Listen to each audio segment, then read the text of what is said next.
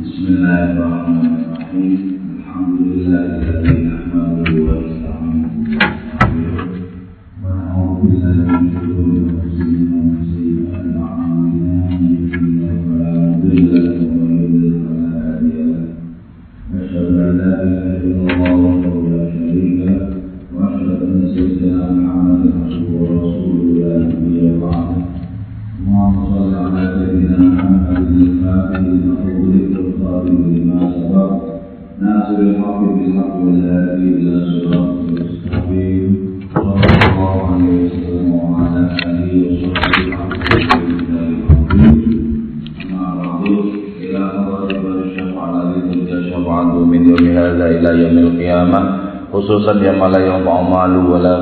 إلا من أتى الله بقلب سليم سيدنا وحبيبنا وشفينا وقرة أعيننا مولانا محمد صلى الله عليه وسلم.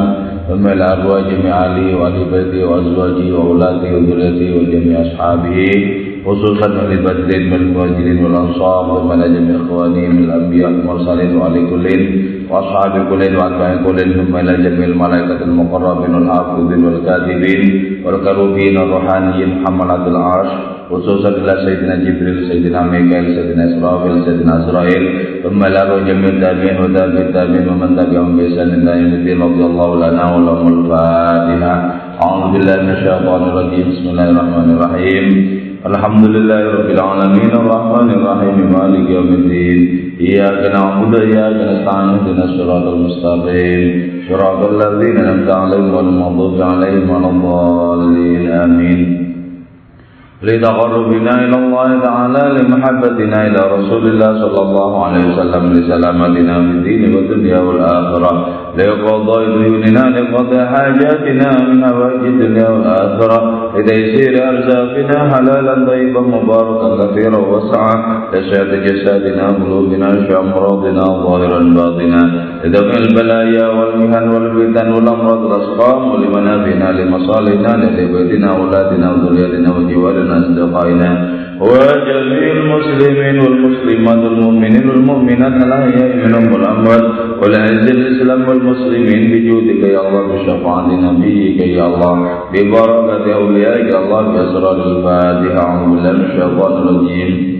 بسم الله الرحمن الرحيم الحمد لله رب العالمين الرحمن الرحيم مالك يوم الدين إياك نعبد وإياك نستعين اهدنا الصراط المستقيم. صراط الذين أنعمت عليهم غير المغضوب عليهم ولا الضالين آمين Kita ngaji kembali tentang kitab rubayatnya Maulana Jalaluddin Rumi. Segala sesuatu dibicarakan oleh beliau dengan perspektif cinta. Ila mata ta'udhuru ilaina min ba'idin. Sampai kapan ta'udhuru memandang engkau ilaina kepada kami? Min ba'idin dari arah yang jauh. Nahnu adapun kami ashabut tadbir Ialah orang-orang yang tertib.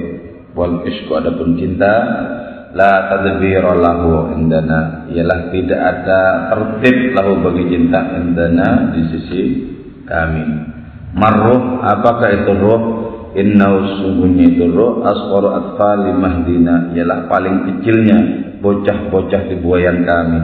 Umal qalbu dan apakah itu hati Qoribun ialah sesuatu yang terasing Daimun yang terlantar bisa berbina sebab kami.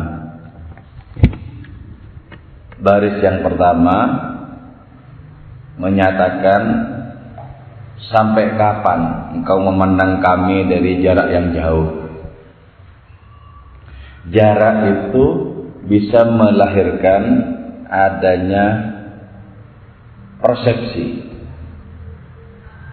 Semakin jauh jarak antara kita dengan sesuatu, maka semakin meleset persepsi kita tentang sesuatu itu. Semakin dekat jarak kita dengan sesuatu, maka semakin hakiki pandangan kita tentang segala sesuatu. Kalau kita memandang segala sesuatu sesuai dengan hakikat segala sesuatu, maka tidak lain yang kita temukan cuman Allah sebenarnya. Ya, pandang segala sesuatu sesuai dengan hakikat segala sesuatu itu. Pasti yang kita temukan Allah. Sebab siapakah yang menyangga segala sesuatu kalau bukan Allah Ta'ala? Dari mana wujud segala sesuatu kalau bukan pantulan dari wujud Allah Subhanahu wa taala? Karena itu melipat jarak antara kita dengan segala sesuatu merupakan hal yang niscaya. Nabi sering kali berdoa, Allahumma arinal asya kama hiya alaih. Ya Allah, perlihatkanlah kepada kami segala sesuatu sesuai dengan hakikat segala sesuatu itu. Allah yang tunggal, Allah yang esa, berpendar-pendar, menjadi sekian nama, menjadi sedemikian rupa, menjadi sekian bentuk, menjadi tak terhingga. Maka aneka ragam rupa, aneka ragam warna dan bentuk sesungguhnya dimensi zahir dari segala sesuatu. Tataplah dimensi batin segala sesuatu, maka kita hanya akan menemukan Allah Subhanahu wa taala. Jadi kalau begitu, apa yang disebut sebagai keanekaragaman rupa, warna dan bentuk itu sesungguhnya merupakan alat pengukur seberapa tajam penglihatan kita kepada segala sesuatu. Alat pengukur. Kalau kita terbuai oleh aneka ragam warna, rupa dan bentuk, berarti kita merasa cukup dengan dimensi zahir dari segala sesuatu. Tapi ketika kita selami asal usul segala sesuatu, kita selami hakikat segala sesuatu, ternyata tunggal jua warnanya, satu pula hakikatnya. Sampai kapan kau memandang kami dari jarak yang jauh? Nah, para pecinta itu sama saja penampilannya dengan orang lain.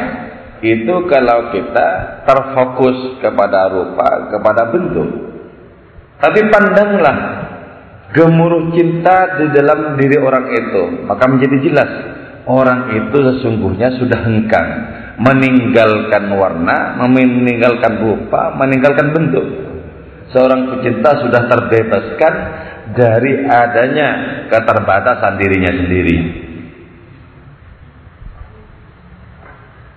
Ketika dengan pandangan yang tajam kita bisa menyaksikan seorang pecinta secara hakiki, maka sesungguhnya kita sedang menyaksikan sifat Allah. Sebab siapakah yang memiliki sifat cinta kalau bukan Allah Subhanahu wa taala?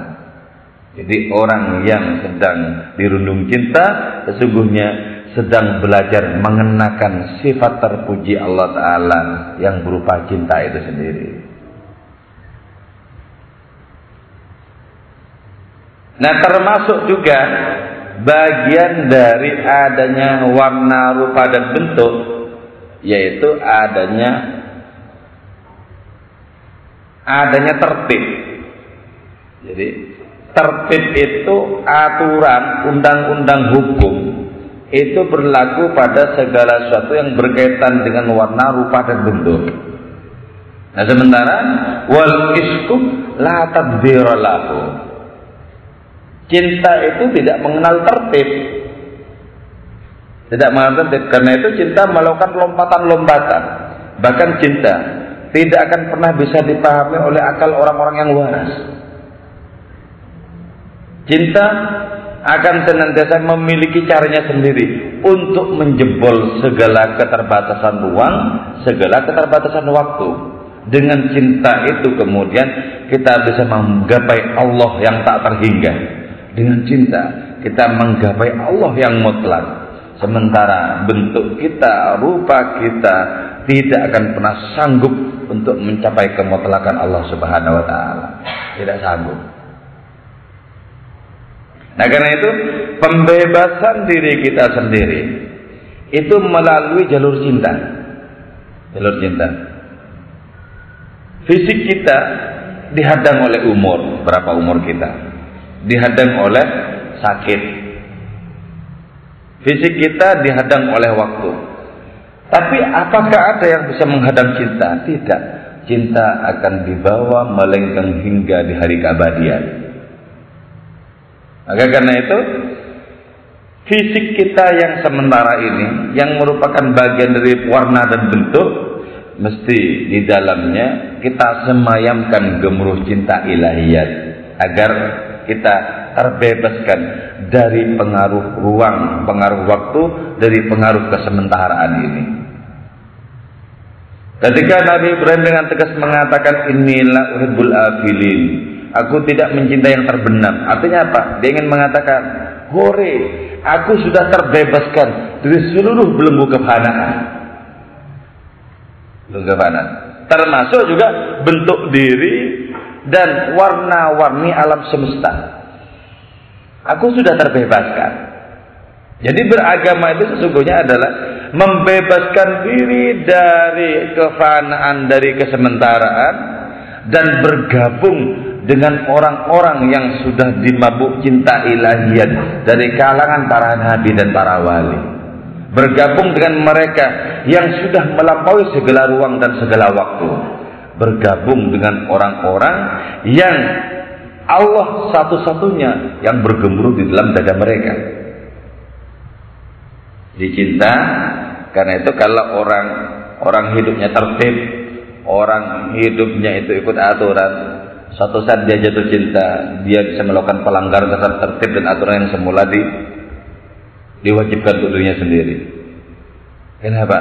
Cinta membuat orang itu melupakan segala tertib dan aturan Cinta memiliki aturannya sendiri, cinta memiliki logikanya sendiri yang tidak bisa sepenuhnya dijangkau oleh akal orang-orang yang waras.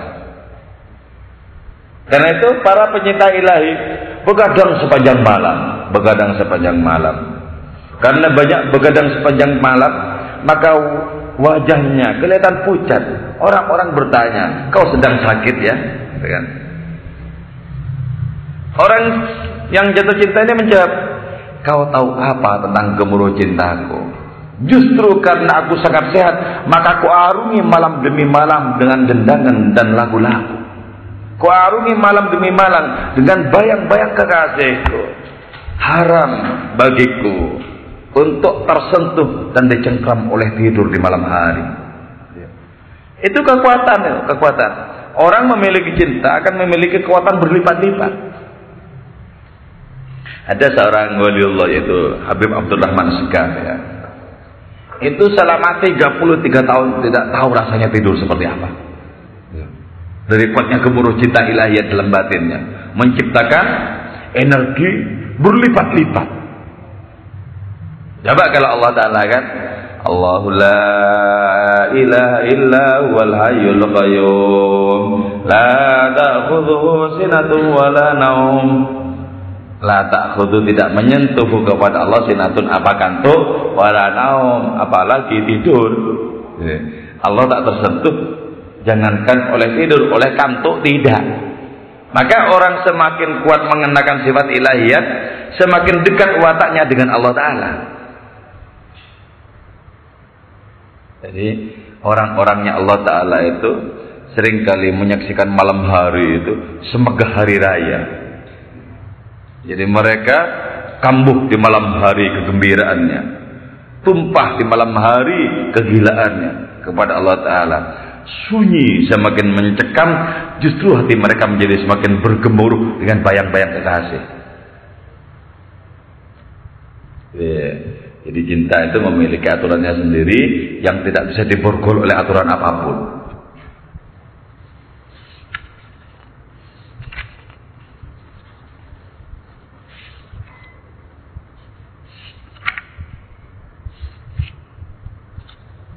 Maroh, roh itu apa? Roh kan sebenarnya merupakan bayang-bayang Allah Ta'ala yang dihadirkan dalam diri manusia agar bisa menjadi jendela yang menghubungkan manusia dengan Allah. Itu mestinya ya roh. Jadi andaikan roh ini tidak ada, kita tidak tahu bagaimana menelusuri alamat Allah Ta'ala. Kalau roh itu tidak ada. Tapi di sini apa roh itu? Marruh. Roh itu apa? Innahu asgharu atfali mahdina. Dialah bocah paling kecil yang berada di pangkuan kami, di buayan kami. Jadi ketika orang itu bergemuruh dengan cinta, dia menyaksikan rohnya sendiri sebagai bocah kecil. Bocah kecil. Terus hati itu apa? Waribun. Hati itu adalah suasana keterasingan. Jadi orang dengan cinta itu dia bisa melampaui ruhnya sendiri, bisa melampaui hatinya sendiri dan hati itu menjadi terbengkalai lantaran orang-orang yang sedang jatuh cinta. Jadi hati tak cukup kuat untuk menampung gemuruh dan luapan cinta.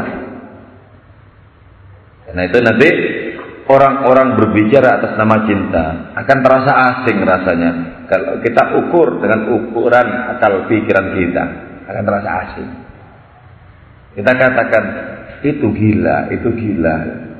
Jadi definisi gila itu itu ketika orang sudah berada di luar batasan yang kita ciptakan itu gila. Jadi kita menciptakan batasan segini. Terus orang itu di luar batasan yang kita ciptakan, kita katakan gila. Kenapa? Menyimpang dari batasan yang kita tentukan. Sementara kata si gila itu melihat menyaksikan orang-orang yang waras, orang yang paling intelek sekalipun, tapi tak pernah jatuh cinta. Si pecinta ini bilang, itu adalah orang-orang pandai. Itu adalah orang-orang bodoh yang memborgol dirinya sendiri dengan ilmu pengetahuan yang dimiliki. Ayo bergabung dengan kami di cakrawala pembebasan dan kebebasan.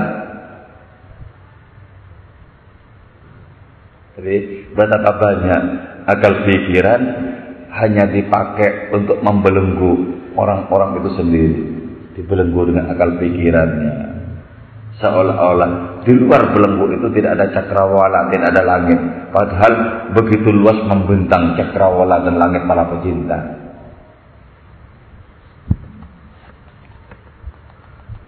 Nah kalau begitu sesungguhnya sangat dimungkinkan bagi diri kita untuk melampaui seluruh keterbatasan diri kita. Karena itu ya, orang bisa berbuat apa saja dalam hidup ini, bisa mengukir prestasi apa saja.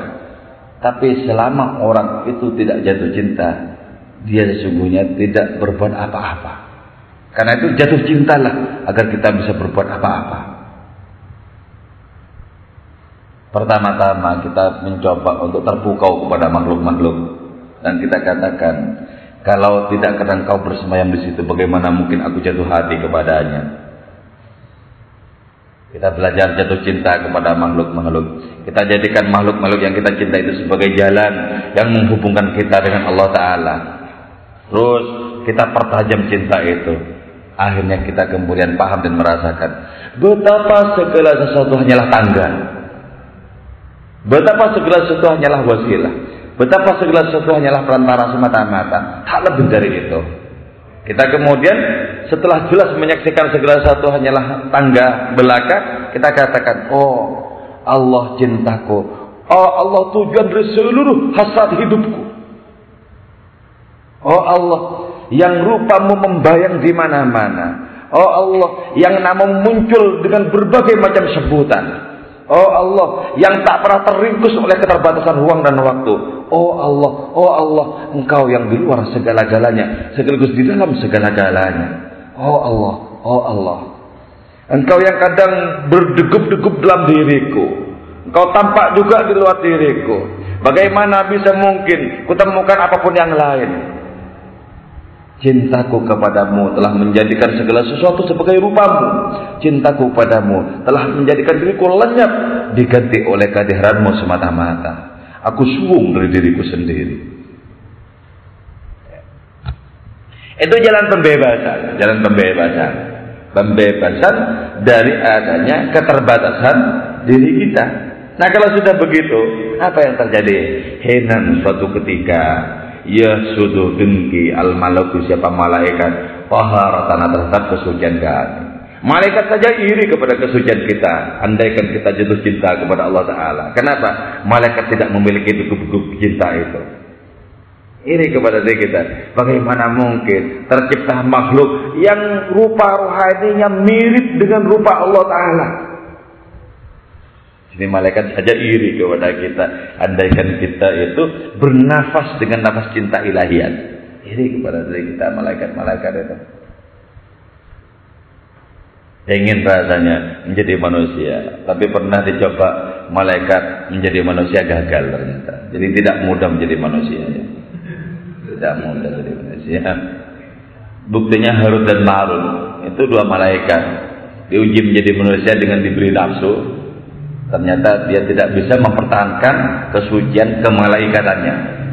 Gagal. Gagal. Jadi tidak mudah. Tidak mudah. Nah karena kita dipilih oleh Allah Ta'ala menjadi manusia. Maka tugas kita adalah apa?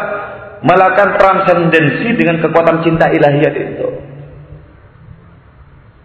Karena itu segala sesuatu yang berfungsi hanya sebagai sarana semata-mata. Katakan kepada semuanya itu aku tak jatuh cinta kepadamu. Bagiku kau hanyalah alat untuk aku injak agar aku sampai kepada Tuhanku kepada kekasihku. Aku tak jatuh cinta kepadamu.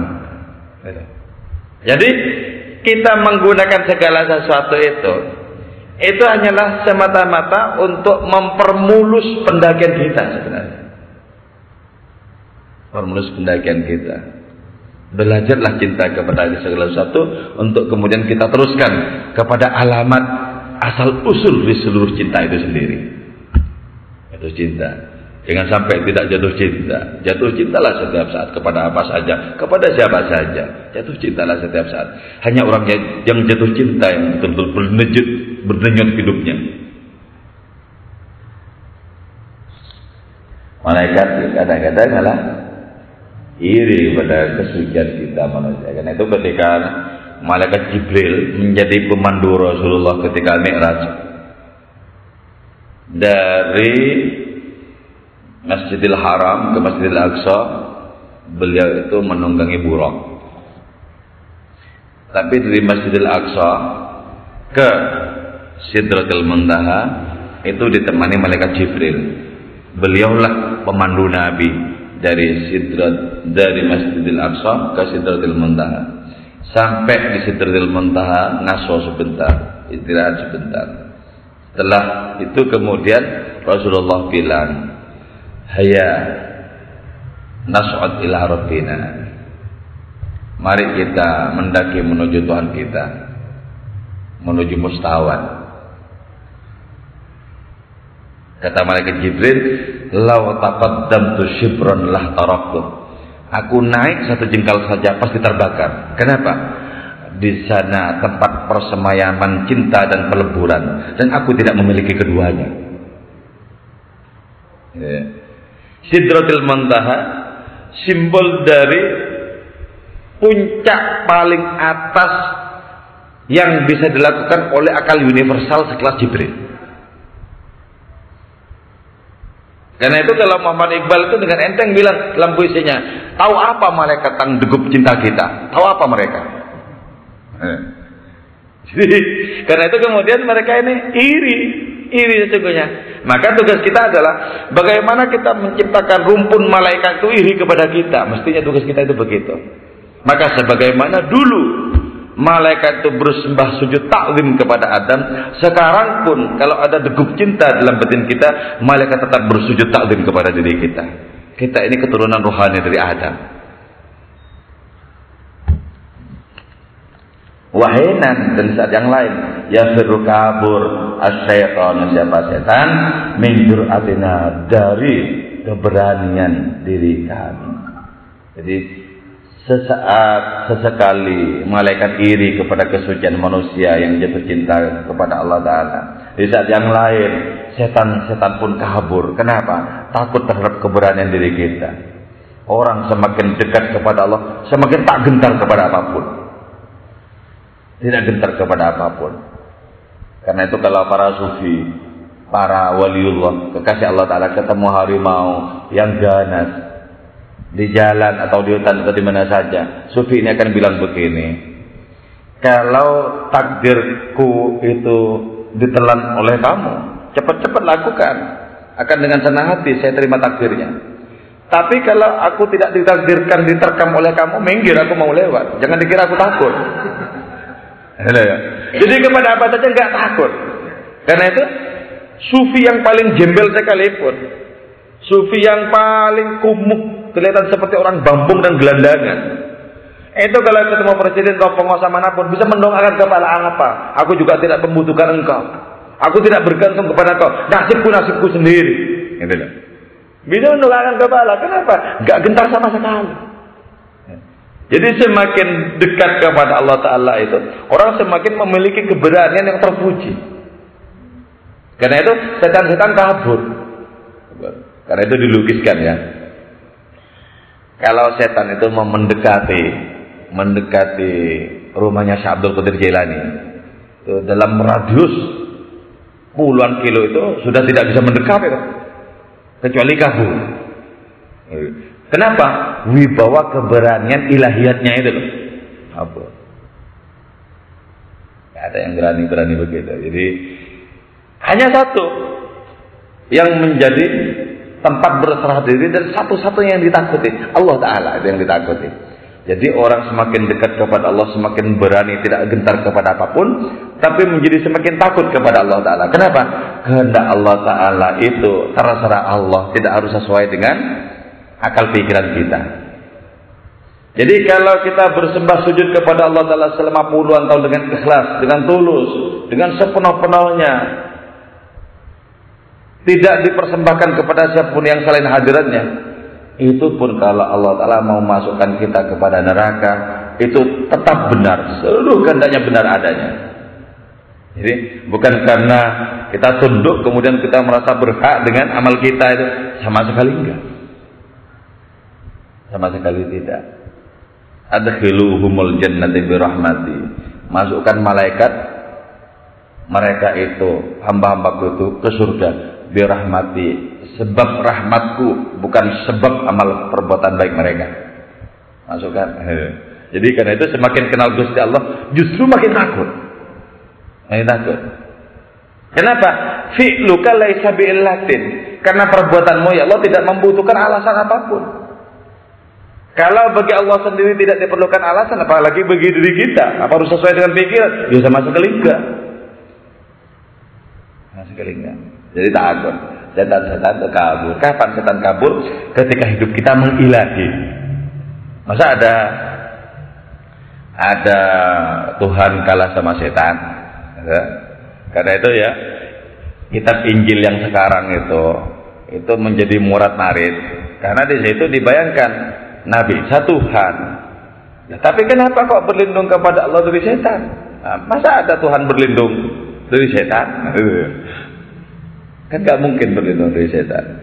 Terus, misalnya, Nabi Isa disebut sebagai Tuhan. Tapi kenapa? Eli, Eli lama sabah tani.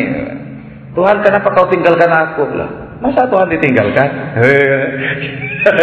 itu kan di situ murad marit ya gitu. Banyak tampuk tangan manusianya gitu, gitu ya. Gitu. Enggak, enggak. Katanya Tuhan. Nah, kok diperanakan? Masa Tuhan diperanakan? Nah, ketika hidup seseorang itu sudah mengilahi, dia bisa mengerjakan sesuatu yang tak bisa dikerjakan oleh orang lain yang hidupnya tidak mengilahi. Karena itu kelas karomanya Syekh Abdul Qadir Jailani itu sama dengan kelas mukjizatnya Nabi Isa, menghidupkan orang mati. Kenapa? Hidupnya sudah mengilahi. Apa yang dia kerjakan sesungguhnya Allah yang menangani. Dia terwiswung dari dirinya kemudian digantikan oleh tajalli Allah Subhanahu wa taala. Ada seorang waliullah eksentrik bernama Ainul Qudud Hamadani. Dia mengatakan begini, kalau cuma menghidupkan orang mati, tidak usah Nabi Isa, aku orang jembel bisa menghidupkan orang mati.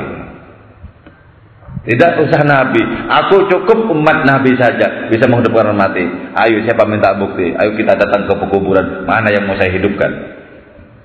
Ternyata betul, saya coba ini dihidupkan. Bangun kamu, bangun langsung.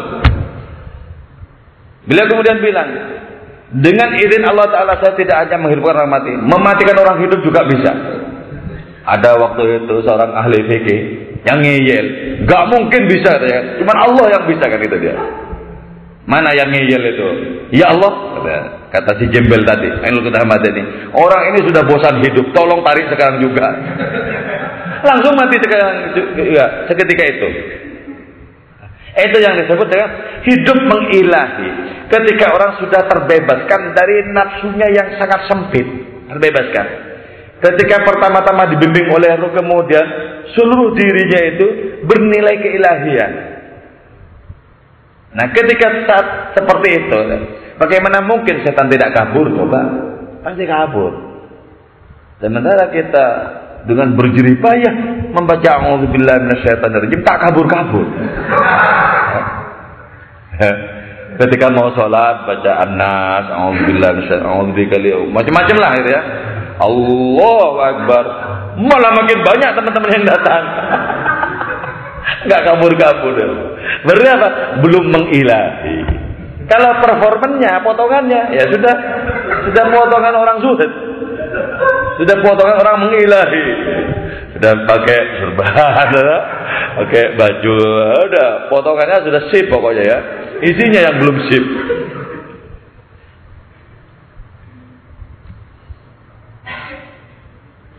Nah, ketika orang sudah mengilahi, sudah dianugerahi oleh Allah Ta'ala sifat-sifat Rabbani, maka jasaduna adapun jasad kami aturabi yang bersifat debu, yang bernuansa debu, hadza ini hamalul haqq ialah sanggup menampung Allah yang maha benar. Jadi jasad kita mengagumkan ketika sudah sepenuhnya dipengaruhi oleh cinta. Jasad mengagumkan ini. Jasad. Di sini kemudian kita melakukan lompatan luar biasa dan jauh lebih unggul ketimbang malaikat. Kenapa? Malaikat tak punya jasad yang bisa di, diberi potensi ilahiyah, tak punya jasad malaikat. Kalau kita makan sebanyak-banyaknya itu, potensi energi dari makanan itu kemudian mengilahi pula. Karena ya, ada seorang sufi yang gemar makan. Itulah Sufyan At-Tauri.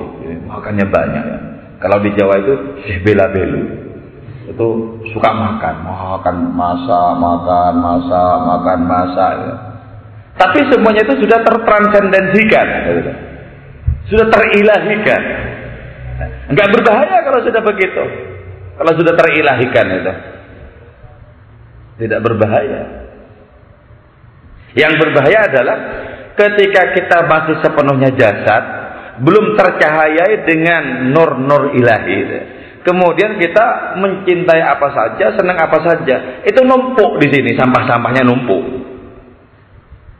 Ketika sudah tertransendensikan, tidak ada bekas-bekas sampah. Ya, nah, itu ya kalau Habib alias Sakron itu, itu makan babi, minum komer, ya, kan sudah tidak syar'i sama sekali ya. Wah, sampean itu keturunan Rasulullah gak pantas begitu kan makan babi minum khamr tiap hari minta dipesanin? Belikan babi. Belikan khamr dan gak mabuk-mabuk. Gak sempoyongan ketika mendapatkan kritik seperti itu beliau tinggal mangap membuka mulut. Lihat ternyata samudra di dalamnya itu. Jadi apa? Sekelasnya babi yang najis sekalipun itu tersucikan itu Oh, dibuang ke samudra ketimbang dimakan orang gitu tuh. Ketimbang bikin mabuk orang homer-homer masukkan saja. Makanya beli semua yang di pasar itu. nah, itu transendensikan, tertransendensikan ya. Jadi ketika orang itu sistem kehidupannya ya, pola kehidupannya sepenuhnya mengilah itu apa saja yang masuk di situ tertranscendensikan. Itu kemudian yang menyebabkan apa yang disebut sebagai barokah. Barokah. Jadi kalau kopiahnya tapi kopiahnya seorang waliullah itu itu penting. Penting. Kenapa? Tertranscendensikan nilainya dulu sampai kepada Allah Taala. Karena itu dulu konon pernah ada di tanah Jawa seorang wali kutub naik haji ke tanah Mekah sana ketika di Masjidil Haram pikiran sebagaimana di Jawa sambil menggunakan itu belangkon ya bawa Jawa khas orang-orang Arab kan heran dengan belangkon ini model kopluk macam apa belangkonan karena dari herannya orang Arab itu si belangkonnya itu dimiringkan kanan gitu, gitu ya. Kuplu aneh kata gitu. Ternyata ketika dimiringkan kanan, buminya miring kanan juga. Eh, loh, kok bisa? miringkan kiri, buminya miring kiri. Eh, ini bukan belangkon sembarangan. Artinya apa? Yang mengenakan itu sudah menggila sih. Yang mengenakan itu. Itu yang disebut dengan adanya barokah begitu. Karena itu Khalid bin Walid, seorang pendekar milih tanding, sangat mengimpikan untuk mati syahid. Pengen mati syahid. Dia ikuti semua pertempuran. Semoga dianugerahi kesyahidan oleh Allah Ta'ala. Tapi tidak. Beliau mati di ranjang. Kenapa? Di kopiah beliau itu ada selembar rambut Rasulullah. Selai rambutnya saja bisa menyelamatkan begitu. Jadi apa yang disebut sebagai barokah itu sangat rasional sebenarnya, sangat rasional. Ya, rasional. Nabi pernah satu saat berbekam ya, ambil darah kotornya. Selesai beliau berbekam, beliau minta tolong kepada salah seorang sahabat. Tolong ini dibuang ya. Iya, dibawa sama si sahabat itu kan. Terus beberapa lama datang lagi. Sudah kau buang? Sudah. Ah, enggak kayak yang diminum. Iya, saya minum. Selamat kau dari neraka. Enak loh. Nah, siapa bilang barokah tidak rasional? Sangat rasional barokah Karena itu ya, kalau kita sowan ke rumah rumah orang yang dekat dengan Allah Taala, orang yang suci, yang tersucikan hatinya. Waktu itu kita misalnya puasa sunnah, disuruh makan makan saja, hentikan puasanya. Kenapa? Belum tentu keterima puasanya itu. Tapi kalau makan jelas barokah itu. makan saja. Eh, karena itu pernah Gusmi itu mencari seorang Habib yang kharikul ada di Malang. Habib Ahmad Segaf ya. Pas hari Minggu berangkat dari Tulungagung ke Malang. Nyampe di Malang cari hampir seharian nggak ketemu itu. Cari seharian hampir nggak ketemu tanya orang di mana ya ada Habib yang kharikul ada yang nyeleneh. Nggak ada yang tahu disebutkan marganya sedap nggak ada tahu juga akhirnya karena tidak ada yang tahu datang ke Ki Hamid tanya ke Ki Hamid Pasuruan Ki Hamid dalamnya Habib Ahmad itu di mana ya sedap oh sebelah sini saya antarkan ternyata dekat ya diantarin sama Ki Hamid di situ ada yang si Ahmad Segaf ini itu ngambil wudhu dengan urutan yang jelas tidak sah secara fikih. Kaki dulu, kan? kan gak saya. Terus setelah itu tanya bentar-bentar, ngapain ke sini? Ya. Gusmi itu disapa dengan dibentak. Ngapain ke sini? Mau minta doa, sholawat. Apa tidak sholat? Di sholat sudah ada sholawat. Dia masih Gusmi. Duduk. Duduk. Diambilin cangkir besar ya. Sama teko kecil. Cangkir besar sama teko kecil. Di dalam teko kecil itu ada minuman minuman khas Arab yang ada jahenya itu. Ya. Dituang ke cangkir besar sampai penuh. Minum, minum sama habis dihabisin. Terus tuang lagi, penuh lagi, dihabisin lagi seperti tidak ada kendala apa-apa. Sampai tiga kali. Minum, minum. Wis, kamu yang doa, sekarang aku yang amin, kata si Habib Ahmad. Gus yang doa, terus kiamat. Amin. Nah yang heran tuh gini ya, heran. Bagaimana tiga cangkir besar itu dihabiskan tanpa kendala. Seperti orang kehausan, habis, habis. Yang lebih mengherankan lagi, teko kecil ini kok bisa muat sampai tiga cangkir besar itu loh. Nah, kenapa dihabiskan? Gusmi, perkara barokahnya itu tadi. Semua hal, segala sesuatu di dekat orang yang sudah mengilahi hidupnya, barokah itu adanya. Sudah mengalami transendensi. Jadi jasad kita ini walaupun berasal usul dari debu, tapi kita sudah tersucikan. Kita hanya memiliki hasrat satu yaitu Allah Ta'ala. Dan kita semata-mata hanya mengandung Allah dalam diri ini. Dengan zikir, dengan derajat cinta. Maka jasad ini pula bisa menanggung, menampung kehadiran Allah Subhanahu wa taala. Ketika Nabi Mi'raj itu seluruh jasad beliau sudah dirubah menjadi energi cahaya. Dan energi cahaya rohani memiliki kekuatan berlipat-lipat menembus jarak dibandingkan dengan cahaya matahari. Jadi sudah sepenuhnya tertransendensikan. Tertransendensikan. Ahsanta ma ajmala kifatana wa nisyatana. Oh engkau benar betapa sangat anggun ketangkasan kami. Jadi orang yang jatuh hati kepada Allah Ta'ala itu lincah hidupnya, tangkas itu. Tangkas. Bahkan bisa mendeteksi masing-masing orang itu loh. Ini lagi apa, sedang apa, butuh apa, ini bisa. Tangkas. Karena itu ya, Nabi memiliki sahabat sampai 100 ribu lebih. Dan kepada satu persatu sahabat itu, Nabi memiliki perhatian yang istimewa. Itu kalau tidak tangkas gak mungkin. Wong kita punya kawan 20 belum tentu bersikap baik kepada yang 20 itu juga kok. Kalau kita lagi mumet apalagi kita nggak menggubris mereka. Ya. Disapa diem saja, disapa diem saja. Eh, Nabi itu karena hatinya sepenuh-penuhnya kecantol Gusti Allah Taala, betapa gesit, betapa tangkas mengatasi berbagai macam persoalan. Kena ya, Sebab nggak mungkin lah. Orang yang memiliki sifat keilahian kok melempem itu nggak mungkin. Dalam pengantuan apa. Itu nggak mungkin, ya, mungkin. Pasti gesit tangkas. Karena itu disebutkan ma ajmala khifatana wa nisyatana betapa sangat anggun ketangkasan dan kegesitan kami. Jadi kita naikkan derajat jasad kita yang bernuansa debu menjadi cahaya cahaya ilahiyah ini oke okay, ini sudah dua bait. Ada yang mau ditanyakan mari? Silakan.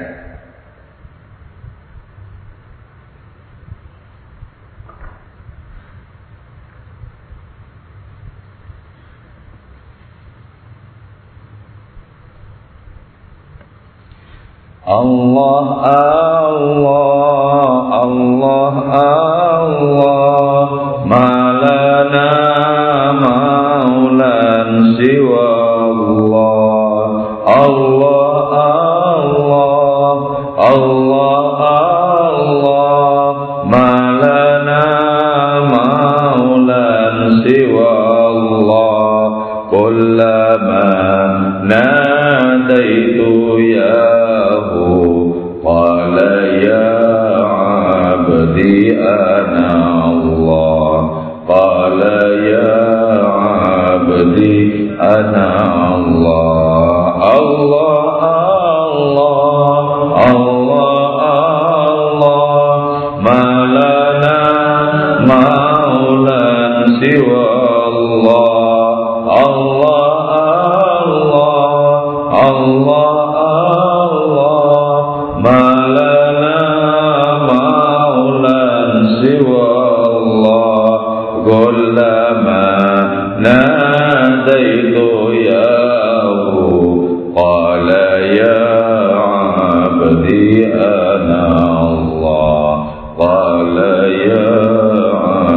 عبدي أنا الله ربي فاجعل مجدمعنا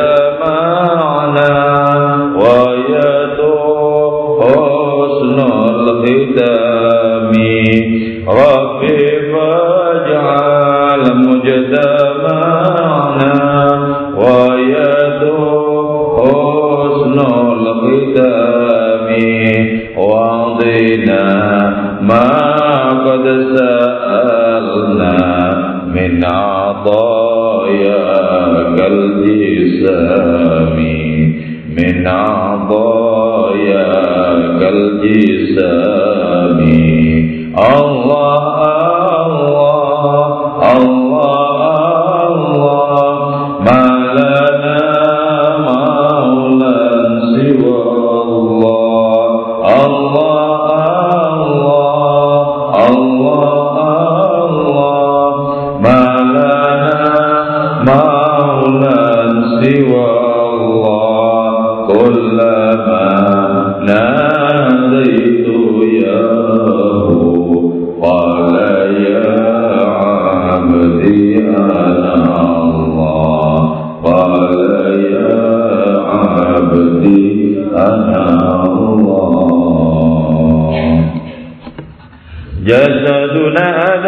jasad kami atrabi yang bersifat debu hadza ini nurul falak ialah cahaya bagi planet-planet. Wa qad dan sungguh telah jadi nisabuna apa kegesitan kami. Sababan ialah sebagai sebab. Lihasadil malak lihasadil malaki bagi iri malaikat. Yeah jasad kita yang bersifat debu ini yang memiliki umur sementara ini. Ini sudah tersucikan tercahayai menjadi cahaya bagi planet bahkan matahari berhutang budi kepada orang-orang suci. Ya, kita tahu dalam sejarah wala yara dhillahu fisyamsi orang yang melakukan penyelidikan investigasi tidak pernah menyaksikan Nabi memiliki bayang-bayang di bawah terik matahari. Kenapa? Mataharinya itu berhutang budi kepada Rasulullah. Cahayanya bagian dari cahaya Rasulullah. Enggak ada bayang-bayang. Itu menunjukkan bahwa Nabi lebih bercahaya dibandingkan dengan matahari Nah jasadnya orang yang tersucikan itu membuat iri, membuat iri cahaya-cahaya bintang gemintang rembulan dan matahari beriri. Kenapa? Jauh lebih indah cahayanya orang yang sudah tersucikan batinnya. Kalau cahaya matahari, cahaya bintang gemintang bisa berfungsi untuk memberikan petunjuk jalan pulang bagi orang-orang yang sedang mengembara atau berada di tengah lautan. Tapi kalau cahaya suci orang-orang yang dekat dengan Allah Taala bisa memberikan petunjuk untuk menemukan alamat Allah. Jadi karena itu jauh jaraknya. Memberikan keselamatan di dunia dengan melihat rotasi bintang misalnya ke arah mana mesti pulang. Tapi dengan cahaya ilahiyat dalam diri seorang itu bisa mengantarkan orang sampai kepada alamat Allah Taala. Betapa hebat. Hebat. Karena itu di sini dikatakan cahaya jasad kami itu cahaya jasad kami itu menjadi panduan bagi planet-planet di atas sana. Dan kegesitan kami, ketangkasan spiritual kami karena kekuatan cinta dalam diri kami telah menjadi sebab bagi rasa iri para malaikat terhadap kesucian diri kami. Ya. Malaikat itu hanya memiliki satu sisi, kita memiliki berbagai macam sisi. Ketika berbagai macam sisi itu kemudian kita transendensikan, maka nilainya itu berlipat-lipat dibandingkan dengan nilai kebaikan para malaikat. Hinan diulang oleh Maulana Rumi ini pada baris di bait yang ketiga. Hinan suatu ketika ya sudu iri al malaku siapa malaikat taharatana terhadap kesucian kami. Wahinan dan di ketika yang lain ya firu kabur asyaiton apa setan menjur atina dari keberanian kami.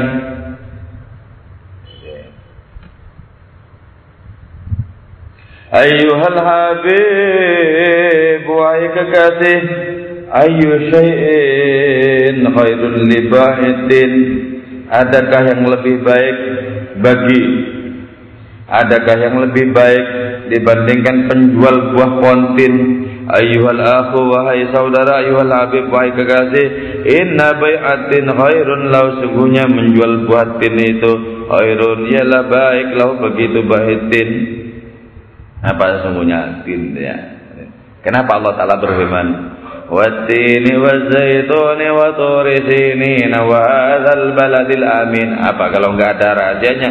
Untuk apa Allah taala berfirman tentang buah tin? Demi buah tin dan buah zaitun. ini dan demi gunung Turusina apa kalau nggak ada rahasia keilahiannya nggak mungkin buah tin itu simbol dari akal universal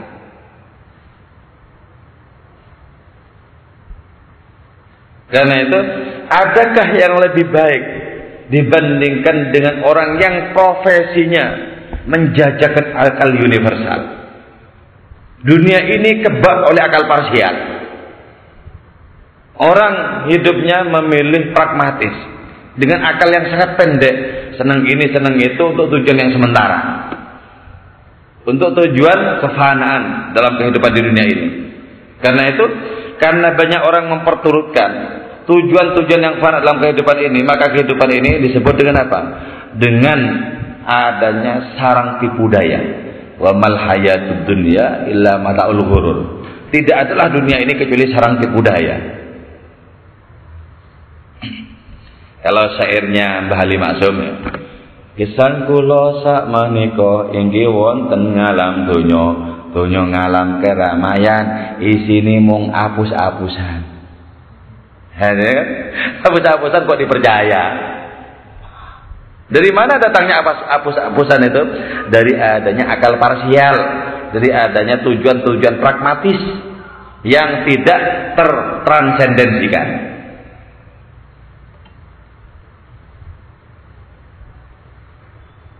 Jadi adakah yang lebih baik dibandingkan dengan profesi orang yang menjajakan akal universal? Seluruh nabi menjajakan akal universal. Nah, ketika nabi itu bersabda adin wal akal, agama itu akal maksudnya akal universal itu. Jadi kalau akal universal kita pakai, pasti kita menomor satu Allah dibandingkan dengan apa pun yang lain. Sebab adakah yang lebih penting dibandingkan dengan Allah Taala? Gak ada. Jadi la ilaha illallah bermakna tidak ada yang penting selain Allah. Ada yang lebih penting? Sebab itu ya, Allah pernah berfirman kepada Syekh Muhammad bin Abdul Jabbar An-Nifari dalam salah satu ilhamnya. Tercatat dalam kitab yaitu dalam kitab Mukhatabat. Ya abdi, firman Allah Ta'ala. Ayu syai'in laka ba'da zuhuri Aisu ayu aisin laka ba'da dzuri wa yambaku. Kehidupan macam apa lagi yang masih penting bagimu ketika aku sudah tampak di hadapanmu? Coba apa yang penting ya? Gak ada. Gimana Pak? Ketika jarak dengan Allah Ta'ala masih jauh karena terlalu banyak lalai alpa dan dosa. Maka kita apa boleh buat? Memandang yang lain itu lebih penting ya Allah ini penting rumah mobil ya, penting ini penting jadi kalau di ranking itu lebih nomor satu. Allah. Eh, nomor sekian. Diperlukan kalau kita terdesak. Jadi diperlukan kalau kita punya masalah. Nah, jadi posisinya itu sebagai sarana bukan tujuan. Sarana.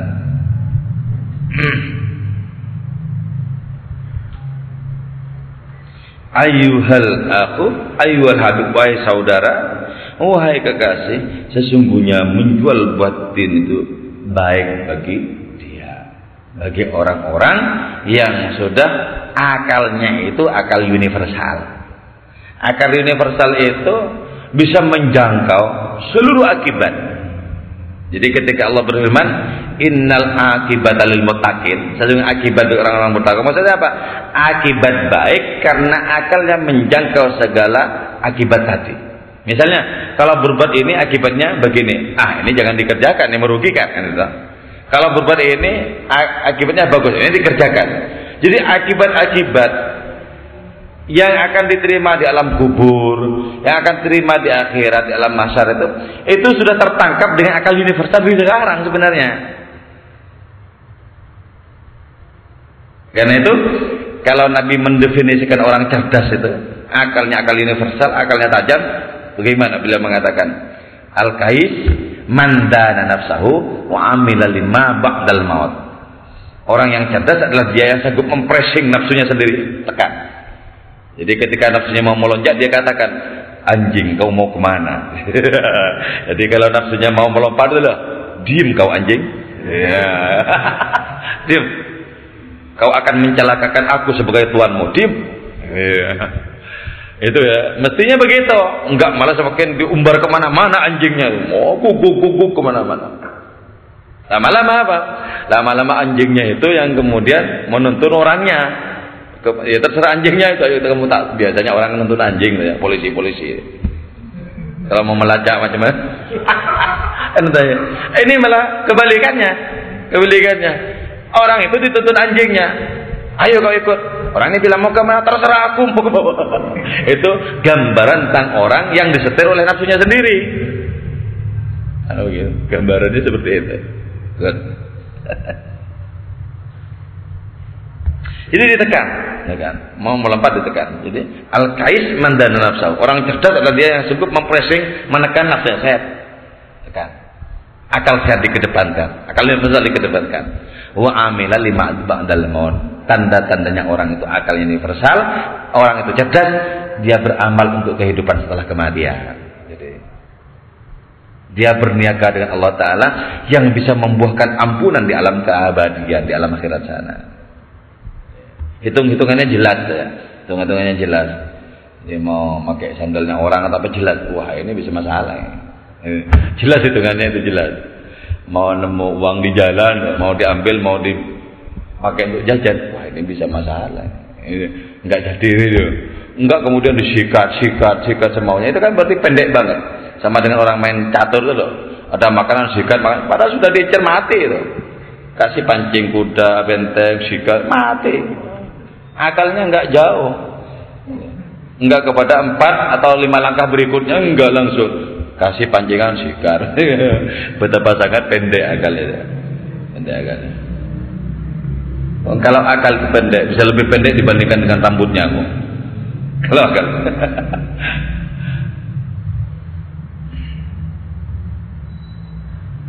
Terus sementara orang yang bodoh, orang yang bodoh, orang yang jahil itu apa?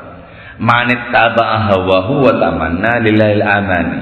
Orang yang kalah terhadap hawa nafsunya sembari berangan-angan kepada Allah mendapatkan surga dunia dan akhirat. Jadi karena itu berbahaya orang yang senantiasa memperturutkan hawa nafsu bersama dengan itu pula tetap dibikin sehat oleh Allah Taala. Terus rezekinya tetap lancar. Akhirnya orang ini salah sangka. Mungkin aku termasuk wali yang samar katanya.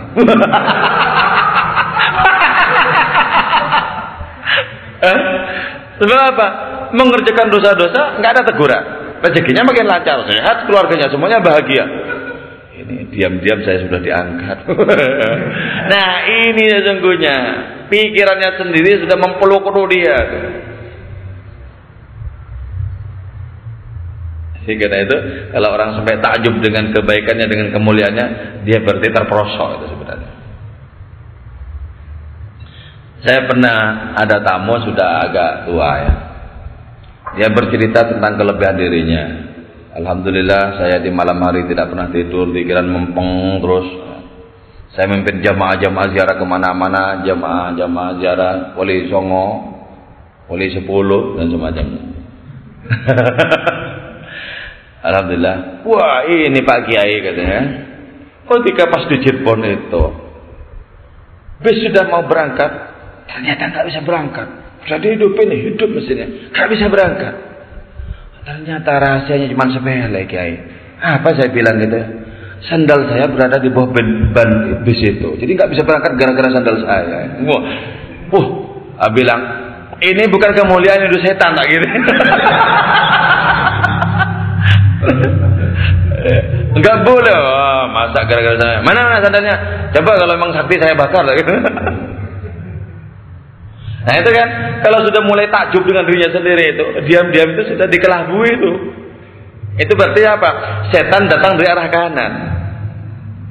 Setan datang dari arah kanan. Semala'atian nahum min baini aidihim wa an aimanihim wa an syama'ilihim wa min qalbihim wa min aimanihim wa. Aku akan datang kepada mereka kata setan dari depan, belakang, kanan dan kiri. Jadi semua arah bisa menjadi jalan bagi setan untuk datang kepada kita. Yang dimaksud dari arah kanan itu adalah apa? Orang dibikin bangga dengan kebaikannya. Mohon maaf, ini mohon maaf ya. Kalau tidak kena saya, mohon maaf ya, mohon maaf. Sama saja walaupun mohon maaf. Sama saja itu setannya dari kanan itu. Setan kanan. Kanan.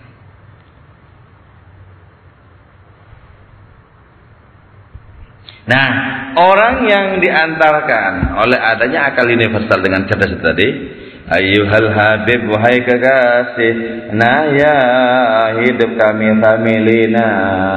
Seraya dalam keadaan mabuk Wahai kekasih hidup kami, kami ini mabuk. Mabuk terhuyung-huyung kepadamu. Ya Allah kami ini mabuk.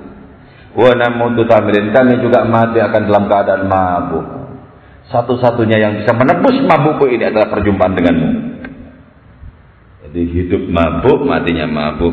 Wa najri fil mahsyar dan kami berjalan di alam mahsyar kelak ketika makhluk-makhluk umat manusia dikumpulkan, hamilin mabuk juga kami nanti di alam mahsyar.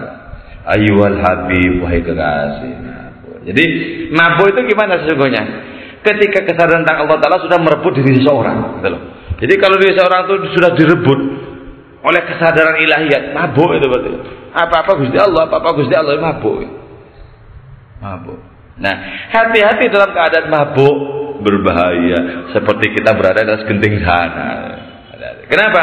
Tak berbahaya berdiri, bisa berbahaya untuk orang lain. Kalau mucah sembarangan, orang mabuk akalnya sudah tidak lagi ada batasannya. Seperti Allah-Allah ya kan? Berbahaya itu. Ong di mana-mana Allah datang kepada gurunya Sayyidina Al-Baghdadi. Siapa yang datang katanya kan? Allah katanya kan. Kok tidak bilang bersama Allah? Kok bilang Allah katanya? malah bilang sama gurunya, sejak kapan ada kayu yang menutupi matamu?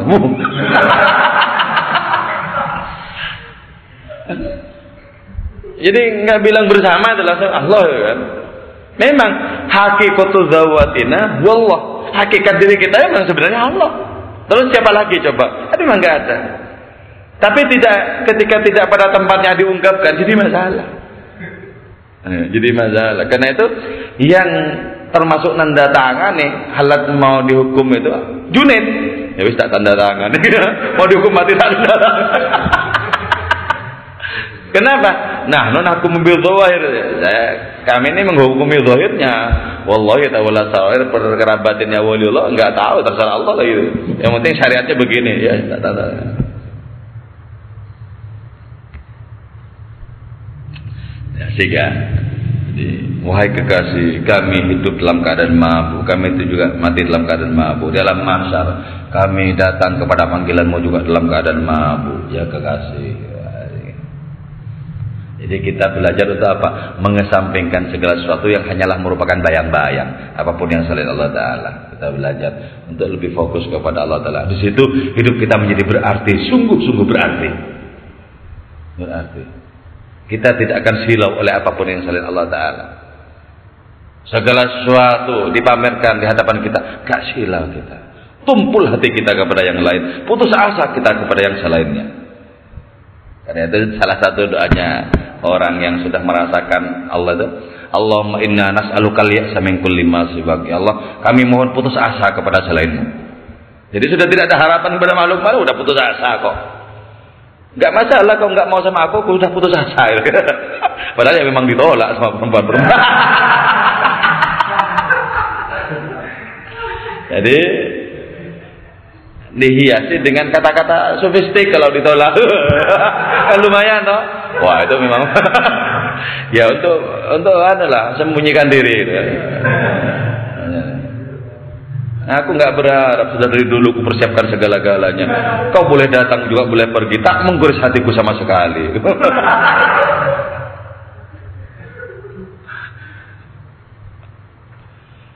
Ada yang muskil yang kan? Oke okay, ya, ada. Ya, silakan.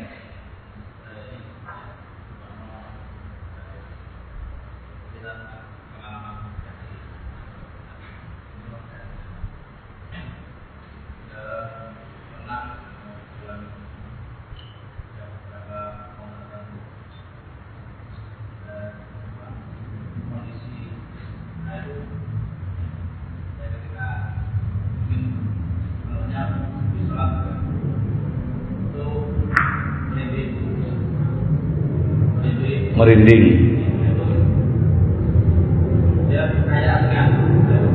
Kayak keringat. Teringat. Ringan-ringan ya. Ya.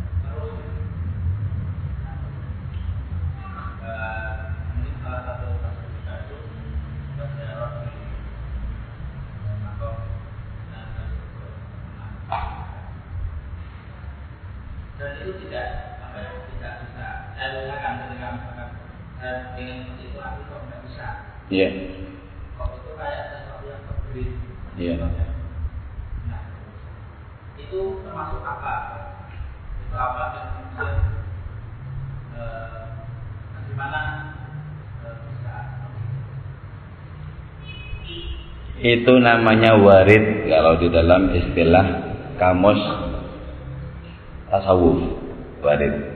Inspirasi rohani. Jadi itu tanpa sebab itu sebenarnya. Tanpa sebab sesuai dengan kehendak Allah Taala. Sebab kalau misalnya lewat perantara amalan misalnya nanti orang itu mengira bahwa amalan ini bisa memunculkan kondisi rohani begini tanpa sebab itu juga lenyapnya tanpa sebab Artinya walaupun kita mencoba untuk mempertahankan dengan pikiran, kalau sudah waktunya pergi, pergi itu namanya warid itu. Itu bedanya antara warid dengan hal ya. Kalau hal itu sudah terbentuk, misalnya orang memiliki rasa tawakal yang penuh kepada Allah, itu sudah terbentuk terus pokoknya. Cuman menyaksikan perbuatan Allah tidak menyaksikan pengaruh dari perbuatan makhluk. Jadi itu kalau hal itu permanen. Kalau warid itu itu cuma seketika dan tidak ada amalan yang bisa dipastikan memunculkan hal yang seperti itu.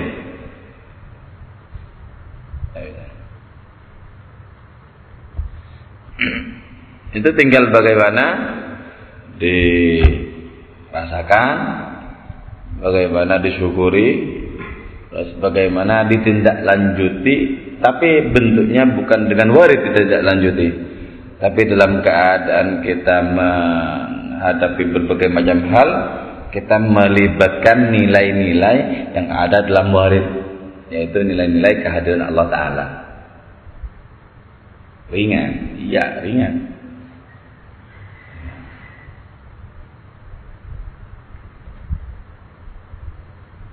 Tapi ini tetap harus ada pembimbing. Kalau cuma perkara merinding gitu ya Jin-jin juga bisa bikin orang merinding. Jadi karena itu harus ada pembimbingnya yang yang benar. Jalan kepada Allah itu se sebuah lorong yang curam pinggir-pinggirnya itu. Ya. Jadi harus ada pembimbingnya harus ada. Kalau enggak kayak gitu, nanti setan tampil ah. Kalau enggak ada gurunya, aku aja yang jadi gurumu.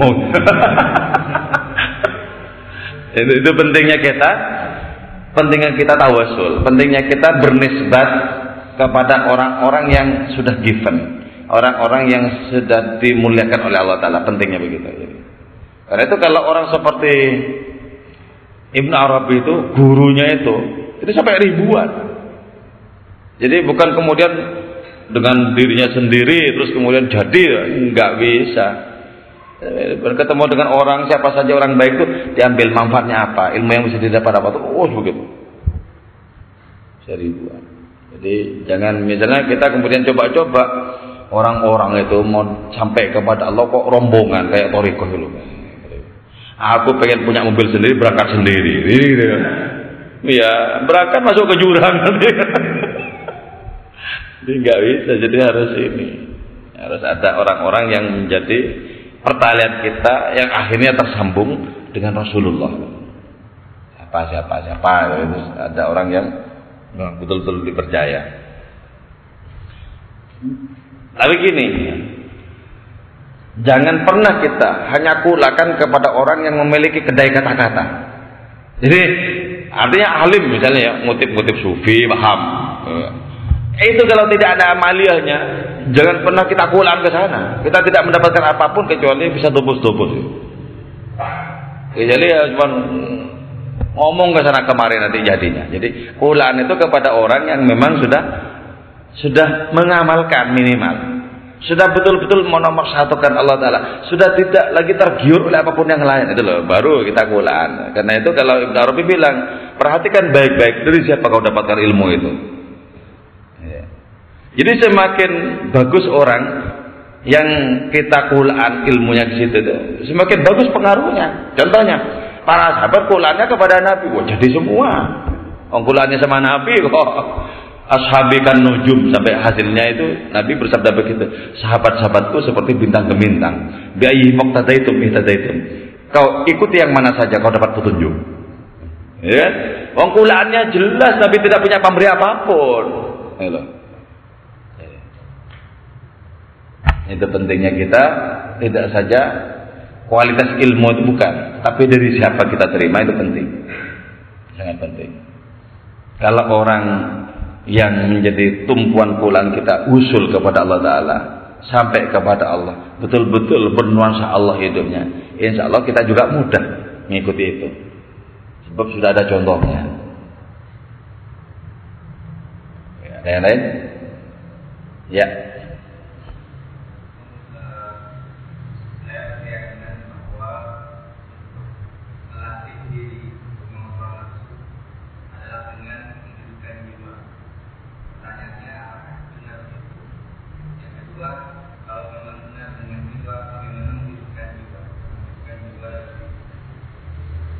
Oke.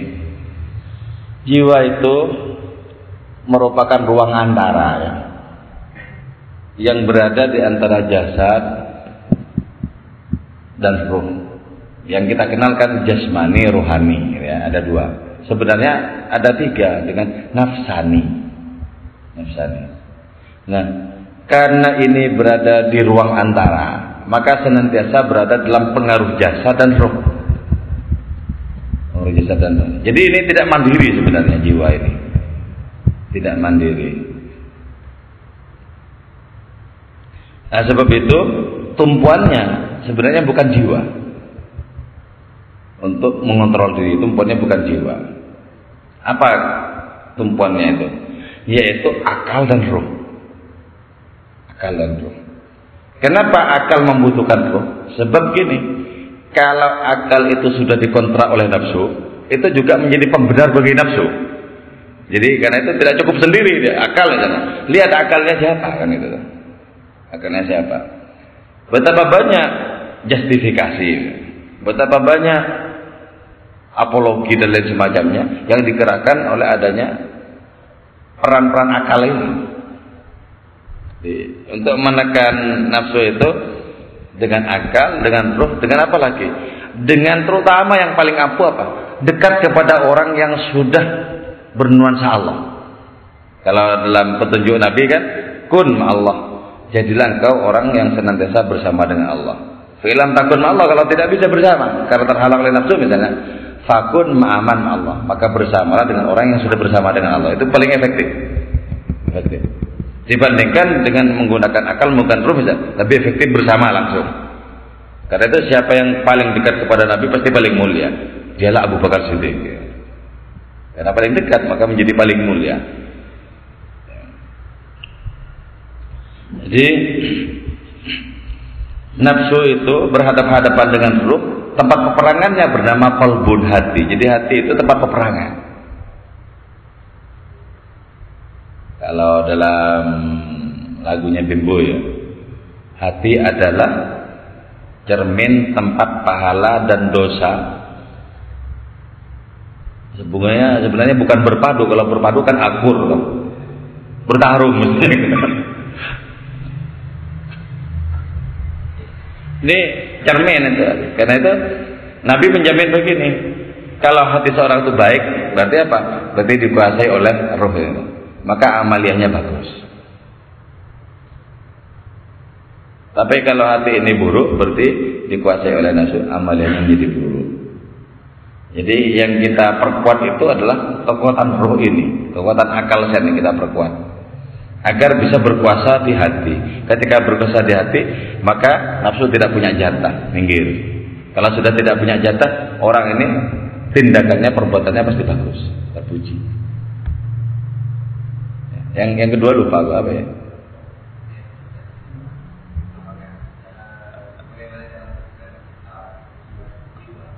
yaitu dengan mendominasikan roh.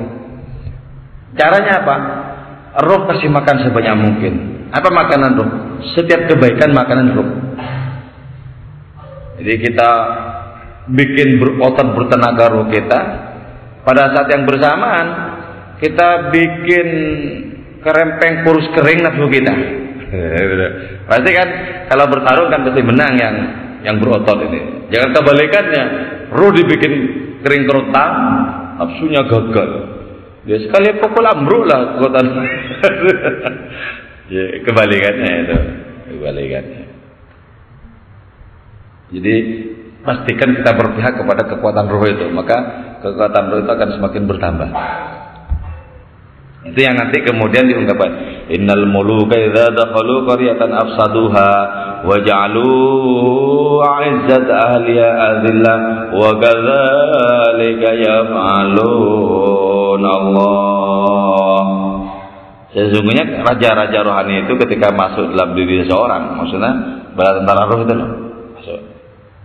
Maka nafsu yang merasa mulia dan bangga itu ambruk nanti masuki oleh raja-raja rohani. Ambruk. Jadi kalau orang insaf misalnya ya. Insaf misalnya. Kan ambruk itu. Kekuatan-kekuatan buruknya itu ambruk. Astagfirullah. Kenapa kok bisa terjadi? Kalau waktu bisa diulang ini tak mungkin terjadi. Itu tanda-tandanya bahwa ada banyak bala tentara roh masuk ke situ dan kekuatan nafsu yang buruk menjadi terpinggirkan terusir. lagi dari ya. Apa? Satohat. Hmm, satohat. Kata-kata aneh itu ada dua. Ada yang palsu, ada yang asli. Yang palsu juga banyak. Satu kata-kata yang aneh itu. Terus andaikan itu asli, itu menunjukkan bahwa adanya kejiwaan seorang sufi itu itu sangat kecil dan tidak sanggup menampung lubran cahaya ilahi. Itu satu hal. Lebih baik yang tidak satu hal yang sadar karena itu tidak ada nabi yang katanya aneh-aneh. Enggak ada, enggak boleh ada nabi jazab itu enggak boleh. Bagaimana bisa membimbing umat dengan cara yang jadab seperti itu? Para wali juga lebih bagus yang sadar, bukan yang jadab. Lebih bagus. Jadi bisa membimbing, bisa takaran orang ini, ini, gini. Kalau jadab kan nggak begitu. Jadi kalau sama-sama sucinya hati seseorang, sama-sama sucinya hati seseorang, antara jadab dan yang sadar lebih bagus yang sadar. Tapi kalau cuman orang yang sadar ini cuman ilmu agamanya banyak, tapi masih hatinya mendamba kepada yang lain, lebih bagus yang jadab. Misalnya Ulama-ulama atau kiai-kiai ya kan kalau Imam Ghazali membagi ulama dua. Itu ulama ul akhir ulama su. Ulama akhir dan ulama yang buruk. Ulama yang buruk itu siapa? Imam Ghazali ketika ditanya, dia menjawab, ya orang yang alim tapi orientasinya dunia, pangkat dan lain semacamnya. Itu ulama su, ulama buruk. Nah, kalau dibandingkan dengan ulama su itu ya lebih bagus jadab. Gitu ya. Saya punya kenalan orang itu jadab Tapi sama lingkungan dikira orang gila. Diundangkan seorang kiai untuk dibacakan ayat-ayat untuk mengusir jin. Nah, orang jadab kok diundangkan kiai untuk dibacakan ayat mengusir jin, mau dirukyah orang jadab. Wah. Ketika kiainya ini yang diundang ini komat kamit, baca ayat kursi apa saja baca innahu min Sulaiman untuk mengusir jin itu loh. Sama si jadab dulu deh, wah, dikira aku gila pada. Diludai sama si jadab ya ini kan. Jadi karena sebelumnya itu ini tidak diketahui sebenarnya ini waliullah itu cuman kan tidak kuat hatinya menampung luapan cinta ilahiyat. Jadinya begitu. Akhirnya omongan itu nggak terkontrol. Gitu. Omongan tidak terkontrol. Jadi sahabat itu butuh pemahaman yang benar untuk bisa kita ambil hikmahnya. Juga misalnya gini, Abu Yazid Bustami itu pernah bilang begini, Aku tenggelam di sebuah lautan di mana para nabi berada di pantainya. Bukan kayak lebih hebat tuh. Gawat aja. nah, ucapannya orang linglung, orang napu yang gak usah digubris. Kata Syekh Junaid Al-Baghdadi, tafsirannya itu begini kata Syekh Junaid itu. Dia itu merasa tenggelam dengan ketauhidannya ketika para nabi sadar dengan kekuatan yang lebih sebenarnya. Cuma sadar para nabinya. Karena itu seperti berada di pantai gitu loh. Dia walaupun tidak seberapa seperti di tengah lautan. Kenapa? Wadahnya kecil tenggelam oleh karunia ilahiyah. Bukan lantas kemudian oh, berarti para nabi nonton Abu Yazid toh. enggak, enggak begitu. ya, kalau orang enggak paham dikira oh, ini lebih mulia ketimbang nabi ini. Orang enggak paham. Jadi kan itu perlu ditafsirkan. Khusus ada memang tafsir kalimat-kalimat syatohat itu ada di dalam kitab tidak ada. Jadi, tapi banyak juga yang palsu-palsu itu banyak. Malah ada seorang kiai karismatik ya di Madura, karismatik secara sosial ya. Di hadapan Allah wallahu alam, saya kira tidak begitu mungkin ya. Ada teman saya ini tahu caranya apa? Caranya nipu kiai itu kan kiai ini yang dituju oleh teman ini kan kaya punya pom macam-macam kaya ya. Nah si teman saya itu pura-pura jodoh datang ke tempatnya kiai tidak lewat jalan yang biasanya tapi lewat tengah-tengah ladang teriak-teriak di jauh wah weh kamu wali kamu wali. Eh, si kiainya itu kan orang jodoh kan omongannya pasti benar. Aku wali katanya. Uh.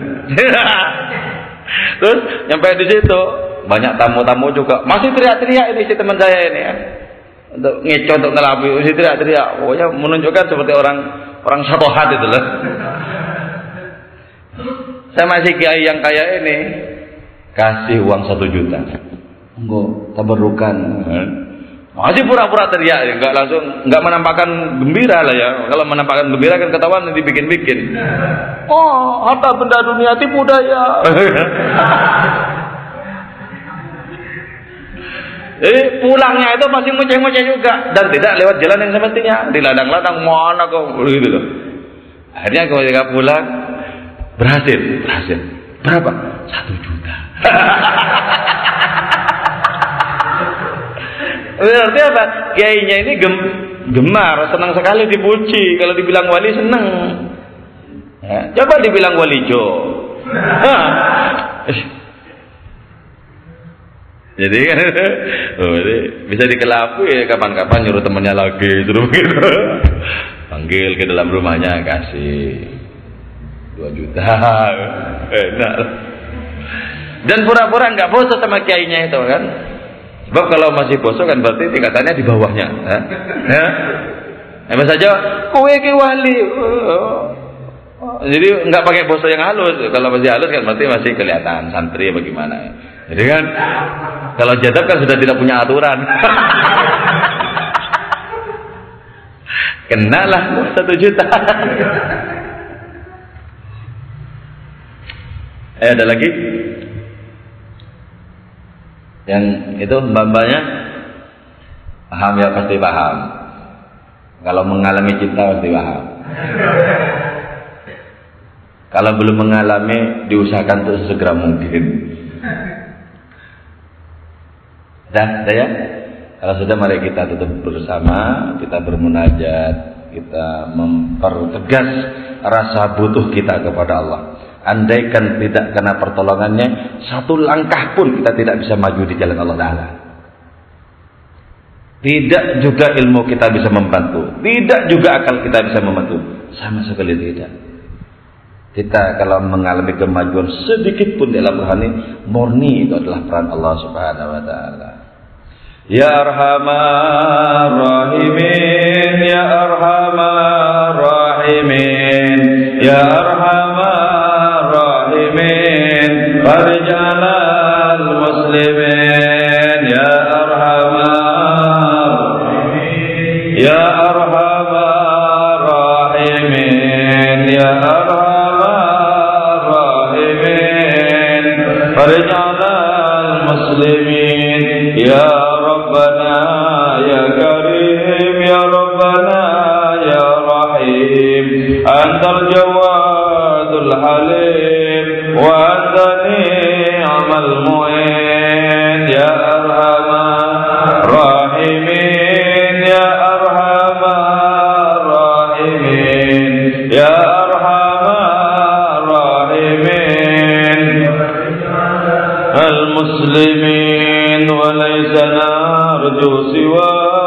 سواك مدرك إلهي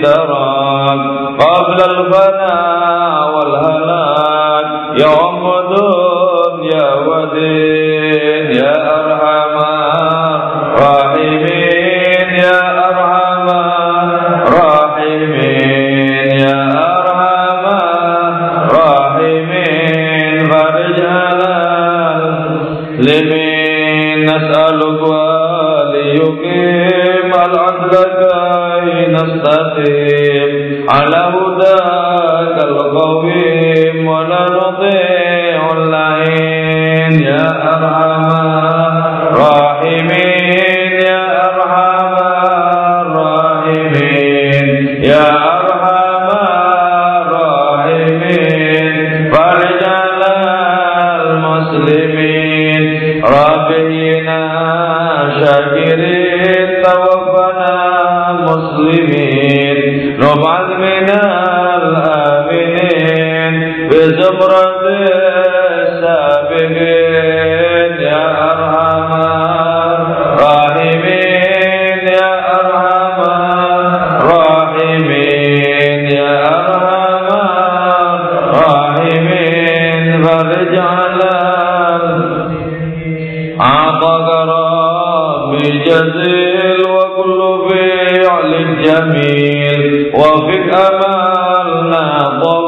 فجد على الضامين يا أرحم الراحمين يا أرحم الراحمين يا أرحم الراحمين فرج على المسلمين واغفر لكل الذنوب واستر لكل العيوب واكشف لكل الكروب واكفي أذى المؤمنين يا أرحم الراحمين يا أرحم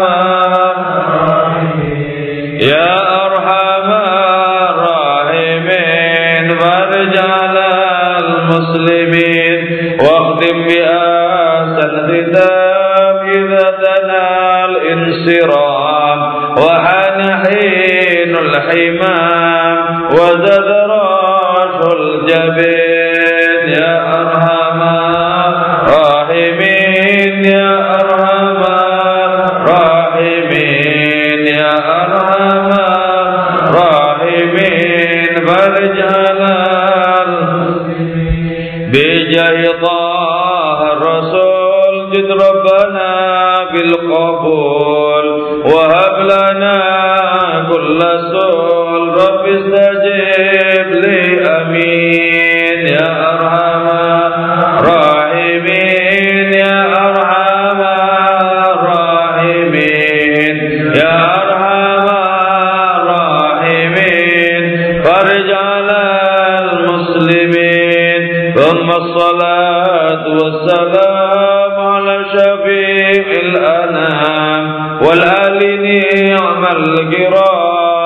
الكرام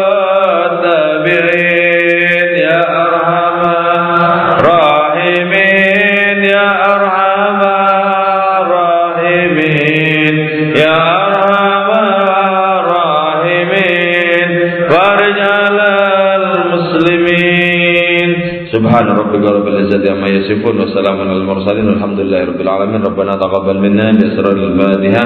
أعوذ بالله من الشيطان الرجيم. بسم الله الرحمن الرحيم. والحمد لله رب العالمين. الرحمن الرحيم. مالك يوم الدين. إياك نعبد وإياك نستعين. اهدنا الصراط المستقيم.